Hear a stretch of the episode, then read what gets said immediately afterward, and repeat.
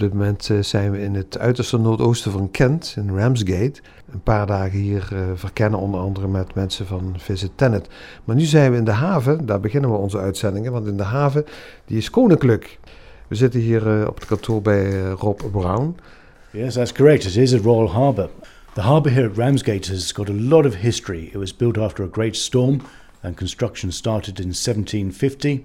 But in 1821, King George IV, who was the reigning monarch at the time, was intending to travel to Hanover, and he decided to travel from Ramsgate.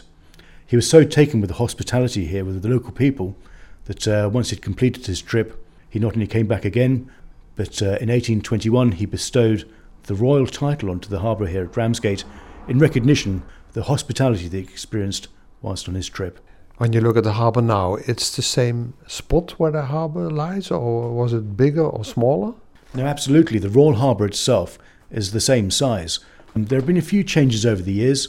Initially, just the east and west pier, and uh, then in the 1800s, they put in a cross wall to make an inner basin, but that was primarily to um, make it much easier to do dredging here at Ramsgate, which is a perennial problem for all coastal um, harbours such as Ramsgate. So, when we uh, come to the Royal Harbour, it's, it's a kind of other experience. It's uh, certainly a living history experience. Unusually, Ramsgate is uh, very much a working harbour.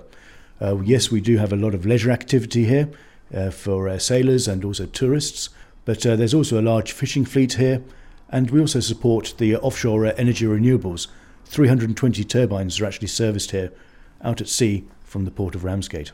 Ja, alle informatie kun je ook vinden op visitthanet.co.uk.